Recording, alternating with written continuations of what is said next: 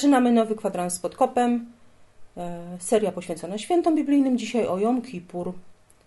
W tym roku mm, to święto zacznie się o zachodzie słońca w piątek, to jest 13 września. W kalendarzu żydowskim mamy wtedy 10 Tishri. Jak wspomniałam Wam w poprzednim odcinku kwadransa poświęconego e, Rosh to święto, święto Jom Kippur, jest nazywane inaczej Dniem Pojednania – jest ono poprzedzone dziesięcioma dniami skruchy, kiedy to Żydzi rozmyślają, takie przynajmniej jest założenie, nad swoim postępowaniem w poprzednim roku i powinni pozmieniać co się da, ponaprawiać krzywdy, poprzepraszać, okazać żal. Potem następuje Jom Kippur, ten dzień, w którym już się nie da za bardzo e, ponaprawiać. Ostat... Są to ostatnie godziny właściwie, bo jak się skończy ten dzień, to już szklanka zapadła i wyrok za ten rok wydany. W Biblii znajdziecie opis święta Jom Kippur y, w trzeciej księdze Mojżeszowej, 23 rozdział, tam od 26 do 32. Przeczytam Wam ten fragment. I przemówił Pan do Mojżesza tymi słowy. Dziesiątego dnia, jednak tego samego siódmego miesiąca będzie dzień pojednania. Będzie to dla Was święte zgromadzenie. Ukuszcie się i złóżcie Panu ofiary ogniowe. Żadnej pracy w tym dniu wykonywać nie będziecie, gdyż jest to dzień pojednania, aby pojednać się z Panem Bogiem Waszym. Każdy zaś, kto się nie ukorzy w tym dniu, będzie wytracony ze swojego ludu. Każdego, kto w tym dniu wykonywać będzie jakąkolwiek pracę, wytępię spośród jego ludu. Żadnej pracy wykonywać nie będziecie. Jest to wieczna ustawa, dla waszych pokoleń we wszystkich siedzibach waszych. Jest to sabat, dzień całkowitego odpoczynku. Ukuszcie się więc dziesiątego dnia tego miesiąca wieczorem. Od wieczora do wieczora obchodzić będziecie wasz sabat. Moją uwagę zwraca e, zwłaszcza werset 31, który mówi, że to święto zostało ustanowione jako mające trwać zawsze, na wieki, e, przez wszystkie pokolenia, we wszystkich siedzibach, gdzie mieszkają Żydzi mówiąc po prostu do końca świata. Czyli Jom Kippur e, znaczy tyle, co Dzień Pojednania i to święt, mają świętować do końca świata. Inny fragment mówiący o tym święcie znajdziecie w trzeciej Mojżeszowej 16 od 29. A będzie to dla Was wieczna ustawa, znowu wieczna ustawa, czyli trwające na zawsze, obowiązujące Was na zawsze. W miesiącu siódmym, dziesiątego dnia tegoż miesiąca ukuszcie się i nie będziecie wykonywać żadnej pracy zarówno tubylec, jak i obcy przybysz, który osiadł wśród was. W tym dniu bowiem zostanie dokonane przebłaganie za was, aby was oczyścić. Od wszystkich waszych grzechów będziecie oczyszczeni przed Panem. Jest to dla was sabat, dzień całkowitego odpoczynku. Kuszcie się w waszych duszach, ustawa to wieczna. Przebłagania zaś dokonywać będzie kapłan, którego się do tego namaści i którego wprowadzi się na urząd, aby sprawował służbę kapłańską zamiast swego ojca, a wdzie jej szaty lniane, szaty święte. Dokona on przebłagania nad przenajświętszym miejscem świątyni, nad namiotem zgromadzenia i ołtarzem. Dokona i przebłagania za kapłanów i za cały lud zgromadzenia. Będzie to dla was wieczną ustawą, aby raz w roku dokonywać przebłagania za wszystkie grzechy synów izraelskich. Znowu to podkreślenie, wieczna ustawa, mają to robić do końca świata. E, na początku tego rozdziału znajdziecie też opis, jak to całe przebłaganie wyglądało. Tam jest najpierw o kapłanie, który się myje, ubiera drewniane szaty, e, bierze zwierzaki na ofiarę. Jest tutaj jeden element bardzo ciekawy. Są to dwa kozły. mm, dwa kozły, które zostały y, złożone w ofierze w ten dzień. Jeden kozioł zostaje zabity, drugi kozioł wygoniony na pustynię. Potem weźmie owe dwa kozły i postawi je przed Panem u wyjścia do namiotu zgromadzenia. Następnie Aaron rzuci losy o te dwa kozły. Jeden los dla Pana, drugi dla Azazela. Potem weźmie owe dwa kozły i postawi je przed Panem u wyjścia do namiotu zgromadzenia. Następnie Aaron rzuci los o te dwa kozły. Jeden los dla Pana, drugi los dla Azazela. Potem przyprowadzi Aaron tego kozła, na którego padł roz dla Pana i złoży go ofiar na ofiarę za grzechy.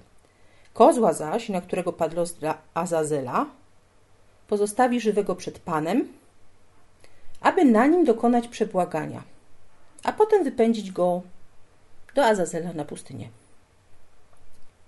I położy Aaron obie swoje ręce na głowie kozła żywego i wyzna nad nim wszystkie przewinienia synów izraelskich i wszystkie ich przestępstwa, którymi zgrzeszyli, i złoży je na głowę kozła i wypędzi go przez wyznaczonego męża na pustynię.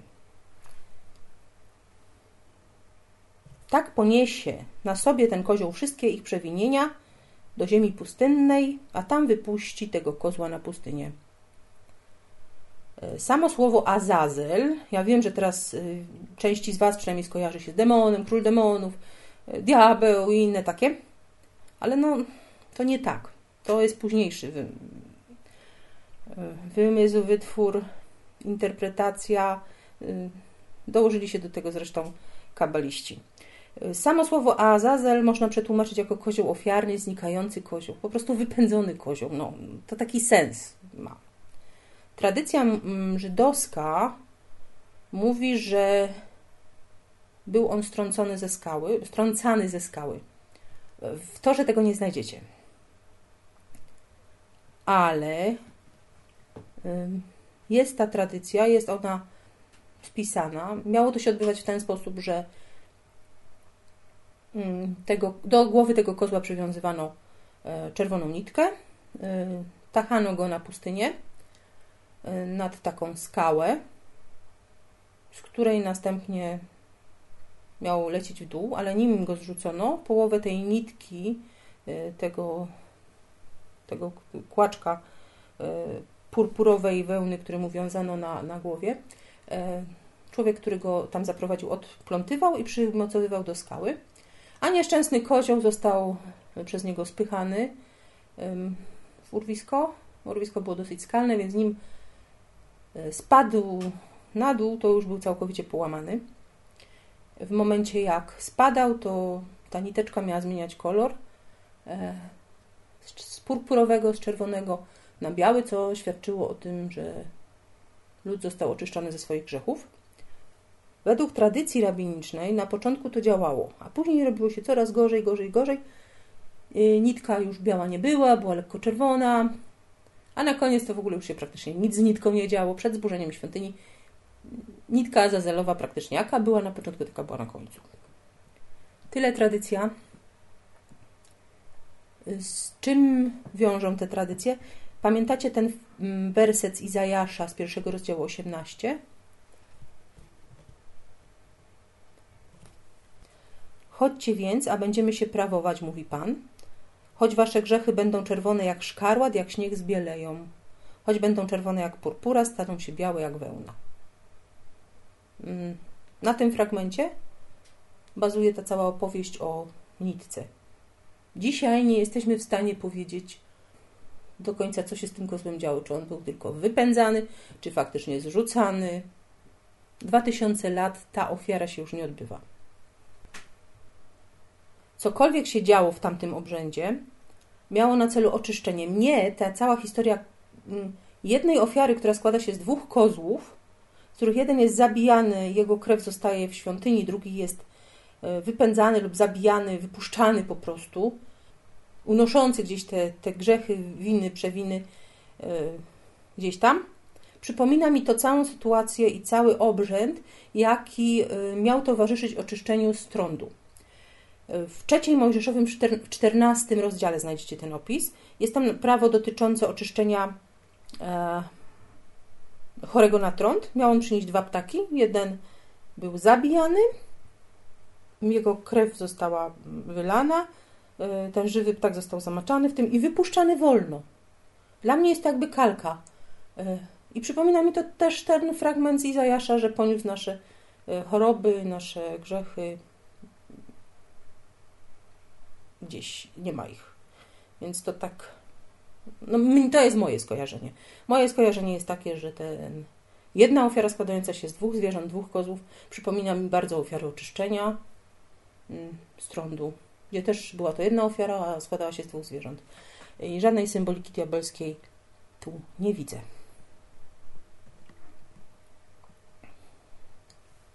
Inny fragment z Biblii, w którym znajdziecie opis Dnia Przebłagania, to jest 4 Mojżeszowa, 29 rozdział od 7 wersetu. Tu też jest to wspomniane to jednego kozła na ofiarę za grzech, oprócz ofiary przebłagalnej za grzech, oprócz stałej ofiary całopalnej i tak dalej. E, e, to święto, jak i cała reszta świąt biblijnych, właściwie nie jest już możliwa do obchodzenia tak, jak nakazuje tego Biblia. Po prostu możliwość obchodzenia ich w sposób biblijny skończyła się w roku 70 naszej ery, gdy świątynia została spalona i nie było już możliwości odprawiania tych obrzędów, takiego kultu, y, bycia wiernym tym wszystkim przepisom, przepisom Tory. Ofiary ze zwierząt według Biblii mogły być składane tylko i wyłącznie w świątyni jerozolimskiej. Świątyni nie ma, ofiar też nie ma. Ale mm, jak już Wam mówiłam przy y, Roszhaszanie, natura nie znosi próżni. Tam, y, jako namiastka pozbycia się grzechów, wymyślono wyczepywanie ubrań nad y, wodami, gdzie pozbywano się okruszków, które miały symbolizować grzechy. Ciach je do wody i grzechu nie ma. W, w Jom Kippur wymyślono zwyczaj, który znowu pojawił się gdzieś tam w okresie średniowiecza i nie ma zupełnie korzeni biblijnych. Do tego łamie zakaz składania krwawych ofiar poza świątynią. Jakby na to nie patrzeć, jest to ofiara, krwawa ofiara zastępcza. Mówię o kaparot. Jest to taki cień y, z obrzędu z kozłem, cień, właściwie karykatura obrzędu z kozłem, o którym mowa jest w Torze. O co chodzi w tym zwyczaju? Y, głównym bohaterem jest tutaj nie kozioł, a kura. Kura lub kogut. Kura dla kobiety, kogut dla mężczyzny. Nieszczęsny ptak ma wziąć na siebie wszystkie grzechy, okręca się nim w koło głowy własnej, po czym się nieszczęśnika zabija y, i ma on być właśnie tym przebłaganiem za grzechy. Więc ten kurczak później jest dawany w, jako no, zjadany, zjada, ale oczywiście nie zjada go osobnik, którego grzechy on nosi, tylko jest dawany biednym do zjedzenia. E, sam obyczaj był przez wielu rabinów krytykowany, potępiany. On właściwie obowiązuje u Żydów e, aszkenazyjskich, tych takich z Europy Wschodniej, Środkowej, z terenów dawnej Rzeczypospolitej, jak wiele takich dziwactw y, właśnie tu się wylęgło i, i mają one o dziwo bardzo wspólne korzenie z pewnymi dziwnymi katolickimi i prawosławnymi obyczajami, ale o tym kiedy indziej. Pogańskie korzenie są tutaj oczywiste. Niestety te wszystkie tłumaczenia rabinów, y, że to nie tak i nie powinno się tego robić, przegrały e, z tłumaczeniami aprobatą, takim błogosławieństwem, jakie mm, kaparot dostał od kabalistów. No, krwawa ofiara, zastępcza, e, niby wystarczy skrucha, ale jednak dobrze zamordować kurę. No, no po prostu pomieszanie z poplątaniem. Nie wszyscy Żydzi to robią. To od razu zaznaczam. E, coraz powszechniejsza jest moda, by jednak nie kurczaka, a po prostu pieniążki, za które można kupić kura, kuraka, yy, zawija się w chusteczkę, tym się kręci nad głową, pieniążki się daje na jakieś cele charytatywne. Jeżeli chcecie zobaczyć, jak wygląda ten obrzęd. E, w Google'ach ustawcie grafikę i wpiszcie hasło kaparot. Zobaczycie na własne oczy, o, co, o czym mówię w tej chwili. Dla mnie jest to mm, po prostu karykatura zwyczaju e, pochodzącego z Tory o ofierze z kozła, jak najbardziej biblijnej. No, każda nacja ma to do siebie, że włażą do niej, do tego, w co wierzy, y, jakieś takie mm, dziwne zwyczaje z pogaństwa, które są adoptowane potem i stają się jakby częścią, za którą ludzie się zabijali, zabijali i zabijają, że jest to tradycja, tradycja, tradycja i e, tak silnie zrośnie się z daną kulturą, religią, że pomimo tego, że jest sprzeczna z świętą księgą danej religii, no, no nie wyplenisz. Macie tutaj y, na przykład kaparot, ten zwyczaj machania kurą nad głową i zabijania jej w judaizmie, ale macie w islamie zwyczaj obrzezywania dziewczynek, obrzezywania, okaleczania na maksa. To jest coś, czego nie ma w Koranie, a co zostało wprowadzone jest świętą tradycją i biada komuś, kto usiłuje się temu przeciwstawić. Y, kaleczą kobiety, także one cierpią do końca życia, o ile w ogóle przeżywają ten zabieg. Y, w katolicyzmie, prawosławiu, całym chrześcijaństwie, nawet protestantyzmie, macie również całą masę mniej lub bardziej dziwacznych, szkodliwych zwyczajów, które weszły w tradycję i są już tak zrośnięte y, z tymi wierzeniami, sposobem obchodzenia świąt, że no, no, no nie rozerwiesz tego. Po prostu ludziom się to zrosło i rzadko kto chce y, oddzielić to. Nawet w własnej głowie, że to nie jest, nic wspólnego nie ma z tą księgą, której mówi, o, która mówi mi o Bogu i obojętnie już jakiej religii, jak Wam powiedziałam wcześniej. Ludzie swoje i tak wiedzą, nie przetłumaczysz. Y, będę o tych zwyczajach mówiła w chrześcijaństwie właśnie na. E, w przyszłym tygodniu powinien być pierwszy odcinek serii o historii chrześcijaństwa e, na www.kwadranspodkopem.com. Jeżeli kogoś ta tematyka interesuje, to zapraszam. Wracamy do święta Jom Kippur. E, dzisiaj jest to święto przede wszystkim związane z postem. Jest to Żydzi poszczą, całkowicie poszczą, to znaczy nie jedzą i nie piją. Całkowity post trwa od zachodu, właściwie zaczyna się ciut przed zachodem słońca dnia pierwszego, a kończy z ukazaniem pierwszych gwiazd dnia następnego. Nie jest to liczone według naszej rachuby, że doba zaczyna się o północy, tylko tego żydowskiego, od zmierzchu do zmierzchu. Trwa dzień. Czy ma sens obchodzenie tego święta dzisiaj? Hmm. Żydzi mają nakaz obchodzenia go zawsze, wszędzie, przez wszystkie pokolenia, we wszystkich miejscach, gdzie będą. Nie mogą tego jednak robić w taki sposób, jak nakazał Bóg w Torze. Nie ma już możliwości składania krwawych ofiar. Pozostał post i modlitwa. Mm, oczywiście doszły do tego zwyczaje, takie jak nie mycie się, nie myją się poza końcówkami palców, nie używają kosmetyków, skórzanego obuwia, zero seksu, no i cała masa innych zakazów.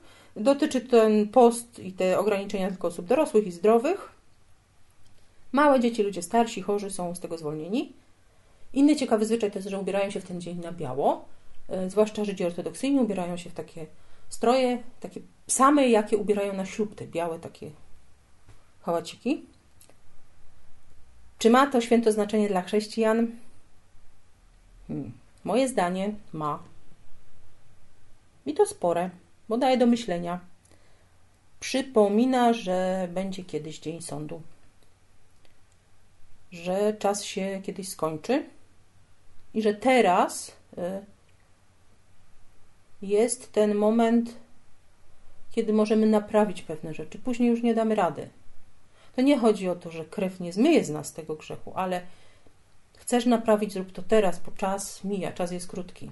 Będzie sąd i wtedy będzie ci głupio popatrzeć w oczy niektórym ludziom. Mnie to święto osobiście przypomina e, Paschę i ofiarę złożoną na Golgocie. Dla mnie jest ono prawie synonimem Paschy. Żydzi łączą to święto z Purim.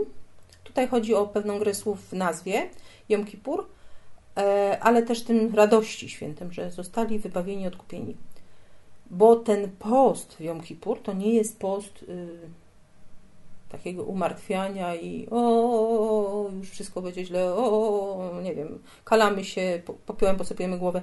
To jest y, post, kiedy ty rozliczasz się z Bogiem, rozliczasz się z ludźmi, zastanawiasz nad sobą, e, usiłujesz pozbyć się jakby tych wszystkich rzeczy y, ze świata, takiej codzienności, fizyczności, które cię dominują i skupiasz się na tych sprawach istotniejszych, y, na Bogu, na relacji z Nim, na relacji z, ludzi, z ludźmi, naprawiasz je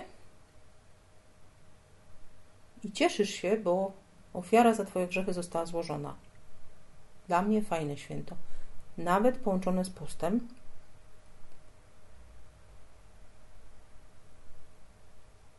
Takie zdystansowanie się, połączone właśnie z modlitwą, postem, jestem jak najbardziej za. Mnie się y, obchodzenie tego święta y, chrześcijan, przez chrześcijan bardzo podoba. W Jom Kippur czyta się w synagogach Księgę Jonasza i to też jest bardzo dobra księga na taki moment zastanowienia, bo to jest księga, która mówi o tym, że nie warto walczyć z Bogiem i Jego decyzjami. No, uczy pokory. Na zakończenie, y, Jom Kippur bywa nazywany szabatem wszystkich szabatów. Y, jest to faktycznie dzień, który będzie jeżeli ma symbolizować ten sąd, to pojednanie, to jest to faktycznie dzień, w którym wszystkie sprawy są zakończone, zamknięte. Nikt nie będzie krzątał się wokół mniejszych lub większych spraw. Jest to czas odpoczynku. Wszystkie sprawy są załatwione, uregulowane, rozliczone. Święto Jom Kippur kończy dźwięk szofaru. Był kiedyś odcinek o szofarze, pod odcinkiem znajdziecie link do niego. I to by było tyle o święcie Jom Kippur. Następne będzie święto namiotów w przyszłym tygodniu. Zapraszam.